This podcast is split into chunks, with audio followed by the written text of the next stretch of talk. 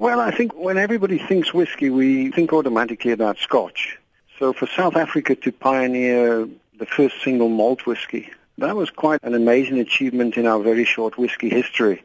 The Scots have got a whiskey history dating back over 500 years. Our whiskey industry is, is less than 40 years old. So even though we've got the utmost respect for the tradition of the Scotch whisky, you know, whisky is not the sole property of Scotland. It can be made throughout the world and, and which it is.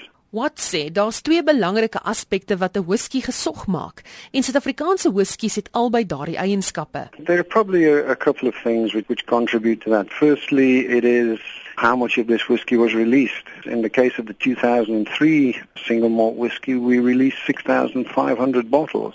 That's not a lot of whiskey. So to own one of those makes it pretty rare, pretty unique.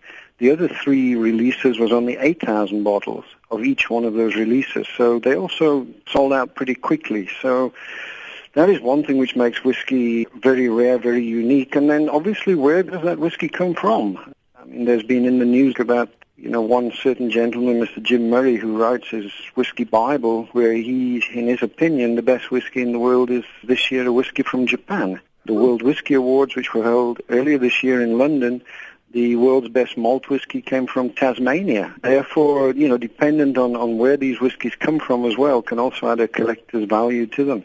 Die wêreldbekende Skotse meesterdistilleerder Ian McMillan het 'n whisky bekend gestel wat in rooiwynvate gedistilleer is.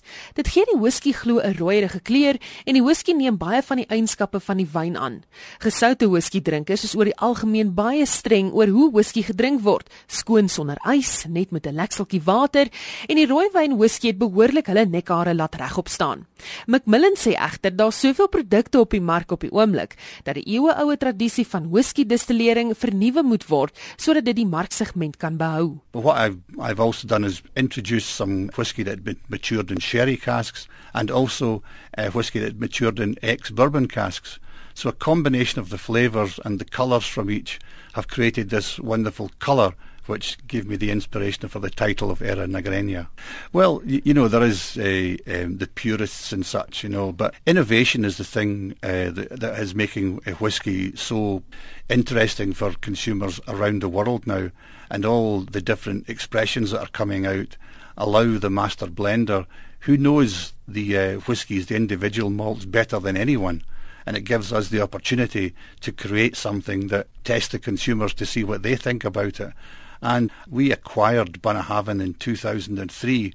So in 11 years, when we bought the distillery at first, there was actually only one expression available, was the 12-year-old. And since then, in the last 11 years, I have brought out around 30 different individual limited editions of Bunnahabhain. Macmillan nou egter vol dat alhoewel Suid-Afrika van die beste whiskies in die wêreld maak, niks by 'n egte Skotse whisky kan kers vashou nie. The uniqueness of it uh, is this small country, this unique climate that we we have, and the, the high quality water that we have, and the abundance of of water. You you need a high abundance of water and this top quality to create a very good product. Now they make whiskey all over the world, but um, in different countries, and it all is unique in its own style. But Scotch whisky, really, it's the, the benchmark that everybody wants to, to sort of achieve is that sort of uniqueness and style. And to this day, I mean, we have over 100 distilleries in a small country like Scotland. It's, it's quite incredible.